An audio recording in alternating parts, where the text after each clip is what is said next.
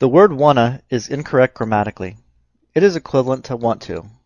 When combined with the word I, it helps communicate something you want to do. Here are some examples.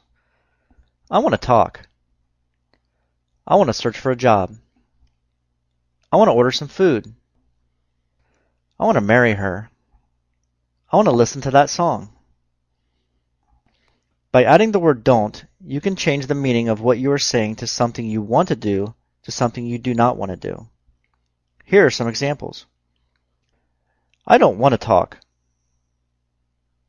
I don't want to search for a job. I don't want to marry her. I don't want to listen to that song. I don't want to order some food.